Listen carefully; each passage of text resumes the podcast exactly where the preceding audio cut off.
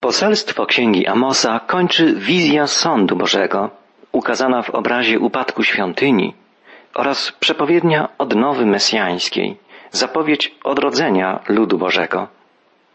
Ostatni, dziewiąty rozdział księgi Amosa otwierają następujące słowa. Widziałem Pana, stojącego nad ołtarzem, i on rzekł, uderz w głowicę i niech zadrżą wiązania dachu i niech spadną na głowy wszystkich. Pozabijam mieczem pozostałych. Nie umknie z nich żaden, co ucieka, ani nie ocaleje z nich żaden, co się ratuje. Amos prorokuje przeciwko Samarii, stolicy północnego królestwa izraelskiego. Kiedy prorok woła, widziałem Pana stojącego nad ołtarzem, ma na myśli nie ołtarz świątyni jerozolimskiej, zbudowanej przez Salomona, ale ołtarz w Samarii, w świątyni pogańskiego bożka Baala. Bałwuchwalczy ołtarz w fałszywej świątyni zostanie zniszczony. W gruzach legnie cała budowla. Dokonają tego wojska asyryjskie. Dzisiaj można oglądać ruiny świątyni i budowli królewskich w Samarii. Prorok Amos usłyszał polecenie uderz w głowicę i niech zadrżą wiązania dachu i niech spadną na głowy wszystkich. W chwilach grozy ludzie chronią się w świątyni. Tu szukają ratunku, schronienia. Tak było też w Samarii. Ale świątynia nie gwarantuje bezpieczeństwa. Bezpieczeństwo może zapewnić człowiekowi jedynie żywy Bóg, Pan życia i śmierci. Nic nie pomogą spełniane praktyki, obrzędy, przebywanie w świątyni, jeśli brakuje prawdziwej wewnętrznej więzi, osobistej łączności z Bogiem. Amos prorokuje, nie umknie z nich żaden, co ucieka, ani nie ocaleje z nich żaden, co się ratuje. Gdyby udali się do Szeolu, stamtąd ręka moja ich weźmie. Gdyby wstąpili do nieba, stamtąd ich ściągnę.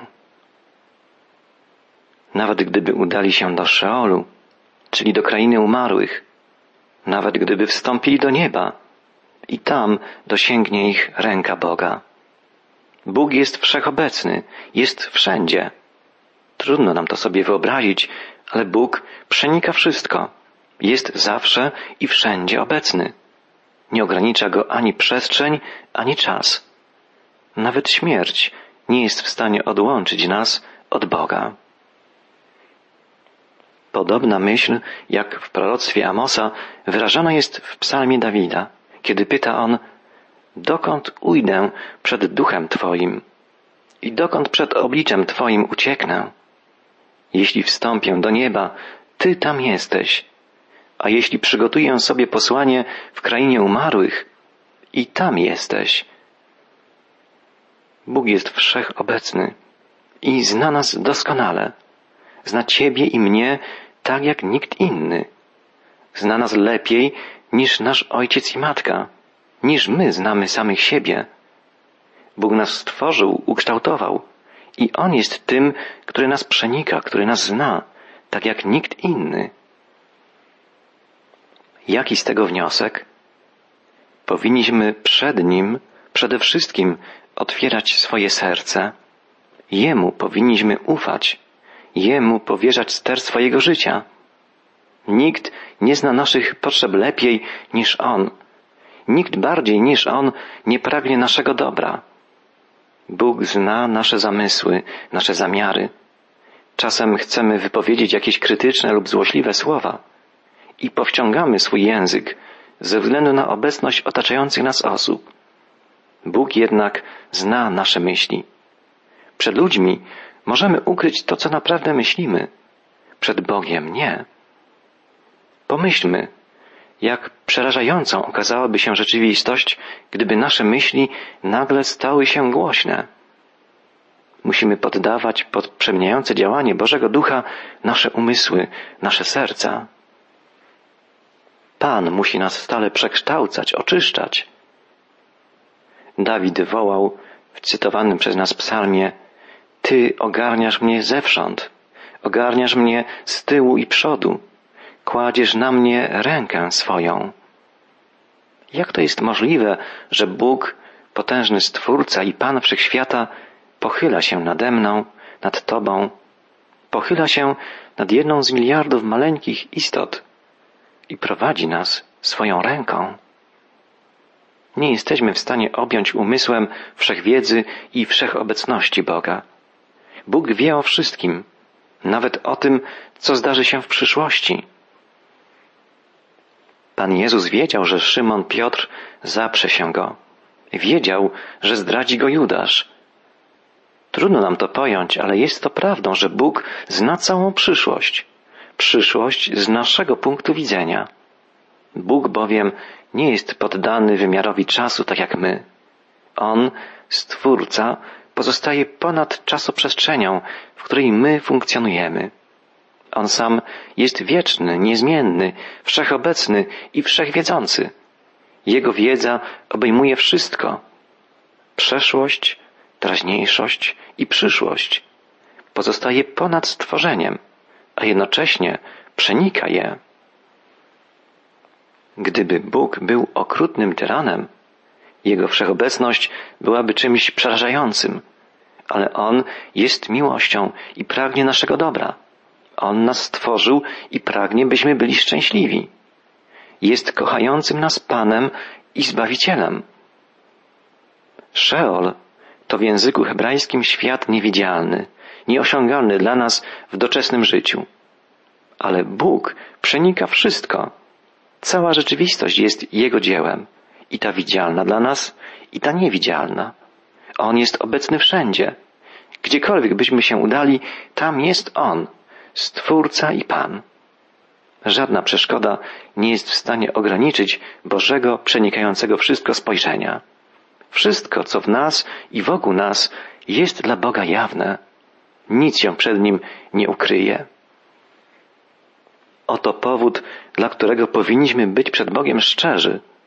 Nie ma sensu żadne udawanie, żadna zewnętrzna pobożność. Bóg patrzy w nasze serce, pragnie dostrzec pokorę, posłuszeństwo. Wtedy może nas przemieniać, prowadzić swoimi drogami. Nie jesteśmy w stanie nawet wyobrazić sobie ogromu Bożej wiedzy, mnogości Bożych myśli. Jedno wiemy. Wszystko dzieje się pod Jego kontrolą. I On, wszechmocny Pan, prowadzi historię ludzkości i losy każdego z nas, zgodnie ze swoim odwiecznym planem. Planem zbawczym, planem wytyczonym przez cudowne, odkupieńcze dzieło Jezusa Chrystusa. Dlatego powinniśmy stale poddawać się Bożemu kierownictwu. Powinniśmy szukać Jego woli w naszym życiu na co dzień. Jeśli nie żyjemy z Bogiem na co dzień, jeśli nie szukamy Jego woli, a realizujemy samowolnie swoje plany, swoje egoistyczne ambicje, schodzimy na bezdroża, staczamy się, przegrywamy życie. Tak stało się w życiu Izraelitów w północnym królestwie. Odwrócili się od Boga, odmówili mu posłuszeństwa, uciekali przed nim. Dlatego Pan poprzez usta proroka zapowiada, gdyby udali się do Szeolu, stamtąd ręka moja ich weźmie. Gdyby wstąpili do nieba, stamtąd ich ściągnę. Gdyby schowali się w górze na Karmelu, i tam ich znajdę i chwycę. Gdyby się skryli przed mymi oczami w głębokościach morza, i tam nakażę wężowi, aby ich ukąsił. Podobnie jak psalmista, prorok Amos w plastycznych obrazach ukazuje niemożność ucieczki przed Bogiem. Gdyby schowali się w górze na Karmelu i tam ich znajdę, mówi Pan. Góra Karmel słynie z wielu jaskiń. Dzisiaj u stóp Karmelu leży miasto Haifa. Zwiedzając górę Karmel, można natrafić na wiele jaskiń, szczególnie licznych na zboczu zachodnim od strony Morza Śródziemnego. Szacuje się, że jaskiń tych jest ponad tysiąc. A jednak nic nie pomogło ukrywanie się w jaskiniach przed Bogiem. Bóg postanowił ukarać Izraela. Dopuścił klęskę, upadek. Narzędziem kary w jego ręku stali się dla Izraelitów Asyryjczycy. Pokonali oni Izraelitów, pobili, zdziesiątkowali, a tych, co przeżyli, zabrali do niewoli. Prorok Amos woła. Gdyby poszli w niewolę przed swymi wrogami i tam nakażę mieczowi, by ich pozabijał, skieruję oczy moje na nich, ale dla niedoli, a nie dla ich dobra. Boży prorok podkreśla, że nawet jeśli Izraelici będą się dobrowolnie oddawać w niewolę, by uniknąć śmierci, i tak dosięgnie ich Boży sąd. Nie uda im się uniknąć Bożego karania. Bóg rozliczy każdego grzesznika z jego życia, z jego czynów, słów, z jego postępowania na co dzień. Nie jest żadną ucieczką przed Bogiem nawet samobójstwo. Ucieczka przed problemami tylko pozorna.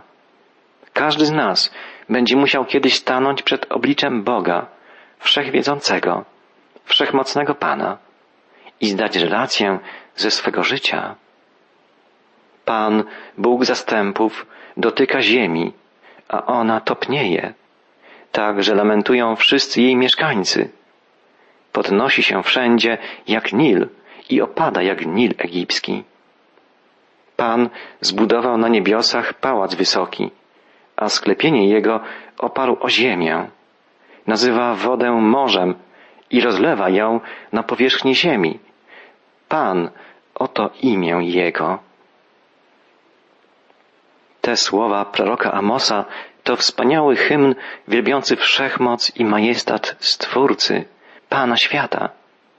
Prawdziwa bojaźń pańska to świadomość potęgi i wszechwiedzy Boga, świadomość odpowiedzialności przed Nim, sprawiedliwym, świętym Panem. Bóg, który stworzył ten ogromny wszechświat, pełen niewyobrażalnej masy energii, gwiazd, galaktyk, planet, podporządkowanych określonym prawom fizyki, chemii, biologii, ustanowił też prawa moralne, prawa rządzące sferą ducha.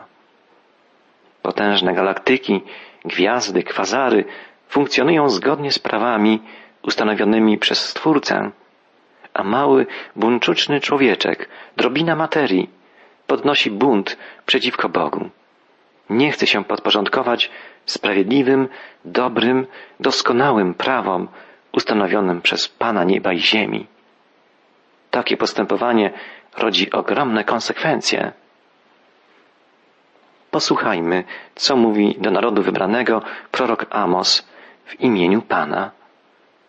Czyż nie jesteście dla mnie jak kuszyci, wy, synowie Izraela? Wyrocznia Pana. Czyż Izraela nie wyprowadziłem z ziemi egipskiej jak Filistynów z Kalfor, Askir, Aramejczyków? Bóg jest Panem historii. On kieruje losami narodów.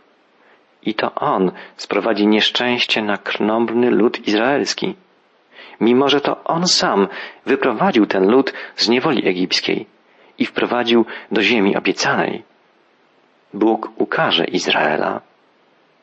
Oto oczy moje, Pana Boga, zwrócone są na królestwo grzeszne i zgładzę je z powierzchni ziemi.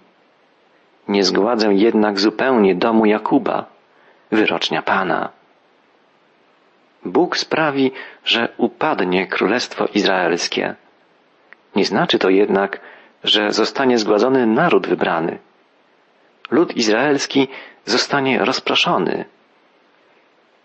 Gdyż oto ja rozkażę i przesieję pomiędzy wszystkimi narodami dom Izraela, jak się przetakiem przesiewa, a żadne ziarnko nie upadnie na ziemię. Lud izraelski zostanie rozproszony pośród narodów. Do dzisiaj Izraelici rozproszeni są po całym świecie.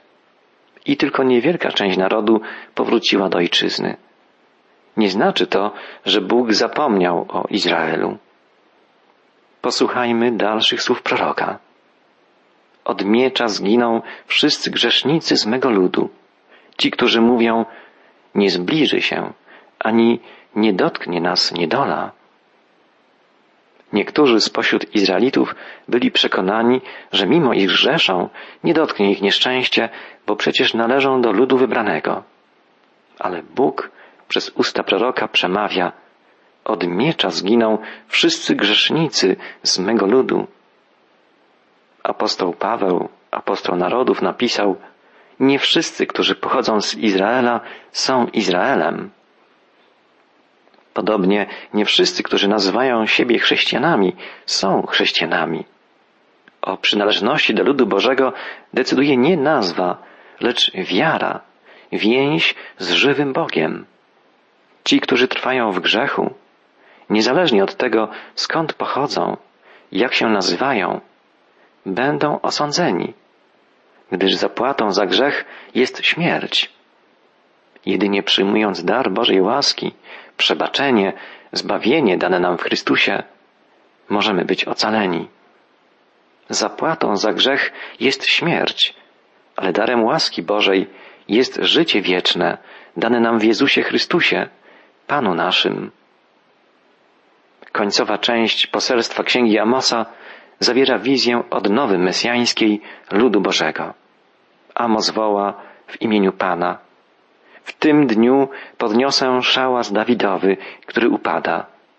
Zamuruję jego szczeliny, ruiny jego podźwignę i jak za dawnych dni zbuduję go. Szałas Dawidowy, który upada, zostanie podźwignięty, zbudowany jak za dawnych dni. Mowa jest tu o szałasie Dawida, o domu Dawida, a więc o odrodzeniu dynastii Dawida, o panowaniu Mesjasza z linii Dawidowej w czasach ostatecznych. To proroctwo Amosa cytował apostoł Jakub, gdy przemawiał na tzw. Tak Soborze Apostolskim w Jerozolimie. Czytamy w Księdze Dziejów Apostolskich. Odezwał się Jakub, mówiąc, Mężowie bracia, posłuchajcie mnie. Szymon opowiedział, jak to Bóg pierwszy zatroszczył się o to, aby spośród pogan wybrać lud dla swego imienia. A z tym zgadzają się słowa proroków. Jak napisano, potem powrócę i odbuduję upadły przybytek Dawida i odbuduję jego ruiny i podźwignę go, aby pozostali ludzie szukali Pana, a także wszyscy poganie, nad którymi wezwane zostało imię moje, mówi Pan, który to czyni. Znane jest to od wieków. Cytując proroctwo Amosa, Jakub przypomniał, że przyjęcie przez pogan Ewangelii, dobrej nowiny o Bożym miłosierdziu, zostało zapowiedziane już przez proroków Starego Testamentu. W Bożym planie znajduje się zapowiedź zarówno odnowienia Izraela, jak i przebudzenia wśród pogan, wśród wszystkich narodów. Jak za dawnych dni zbuduję go, brzmi przepowiednia prorocka dotycząca domu Dawida. A dalej czytamy i wszystkie narody, nad którymi wzywano mojego imienia. Kto wzywa imienia Pańskiego, będzie zbawiony. To wspaniała obietnica, wspaniała wizja mesjańskiego odrodzenia i zjednoczenia ludu Bożego, Starego i Nowego Przymierza. Oto nadejdą dni, wyrocznia Pana, gdy będzie postępował żniwiarz zaraz za oraczem, a depczący winogrona zasiejącym ziarno. Z gór moszcz spływać będzie kroplami, a wszystkie pagórki będą nim opływać. To wizja obfitości plonów, kiedy nastąpi ostateczny powrót narodu wybranego do ziemi obiecanej. Boże błogosławieństwo spocznie zarówno na ludzie, jak i na ziemi izraelskiej. Uwolnię z niewoli lud mój izraelski. Odbudują miasta zburzone i będą w nich mieszkać. Zasadzą winnice i pić będą wino. Założą ogrody i będą jeść z nich owoce. To mesjańskie królestwo będzie królestwem obfitości, błogosławieństwa, szczęścia i pokoju. Nie będzie już podzielone na północ i południe. Cały lud izraelski będzie zamieszkiwał wspólnie w ziemi obiecanej. Zasadzę ich na ich ziemi, a nigdy nie będą wyrwani z ziemi, którą im dałem, mówi Pan, Bóg Twój. Izrael zamieszka na stałe w ziemi, którą Bóg dał im na własność. Podsumowując, możemy powiedzieć krótko o pięciu wspaniałych obietnicach, które wypełnią się w czasach ostatecznych. Po pierwsze, Bóg odnowi dynastię Dawida. Królowanie, panowanie nad światem obejmie Mesjasz, Zbawiciel, Syn Dawidowy, Jezus Chrystus. Po drugie, Izrael jako naród zjednoczy się, odrodzi i powróci do ojczyzny. Dzisiaj nadal jest rozproszony po całym świecie, zgodnie z zapowiedziami proroków. Ale w czasach końca, zgodnie z zapowiedziami proroków, Izraelici powrócą do ziemi obiecanej, czego początki już obserwujemy. I wszyscy przeżyją wielką duchową odnowę. Trzecie, będzie to czas upamiętania, odnowy, duchowego odrodzenia dla wszystkich narodów. Przypomnijmy, że zgodnie z zapowiedziami wielkich proroków Izajasza, Jeremiasza, Ezechiela, będzie to okres eschatologiczny już po pochwyceniu Kościoła, po zabraniu z ziemi wspólnoty wierzących, zjednoczonych z Chrystusem. W czasach ostatecznych nastąpi wielkie przebudzenie pośród Izraela i pośród innych narodów, które otrzymają jeszcze jedną szansę, by uznać w Chrystusie swego Pana i Zbawiciela. Po czwarte, lud izraelski przeżywał będzie czas obfitości plonów w ziemi, z której zostanie zdjęte przekleństwo, która na nowo stanie się ziemią opływającą mlekiem i miodem. Będzie to czas błogosławieństwa, czas obfitości i pokoju, jakiego naród wybrany nie doświadczył w czasie tysięcy lat swoich burzliwych dziejów. I po piąte, Izrael zamieszka w ziemi obiecanej już na zawsze. Zasadzę ich na ich ziemi, a nigdy nie będą wyrwani z ziemi, którą im dałem, mówi Pan, Bóg Twój. Te słowa zamykają poselstwo prorockiej księgi Amosa. Możemy być pewni, że tak jak setki proroctw, które już się wypełniły, tak wypełnią się wszystkie pozostałe proroctwa biblijne.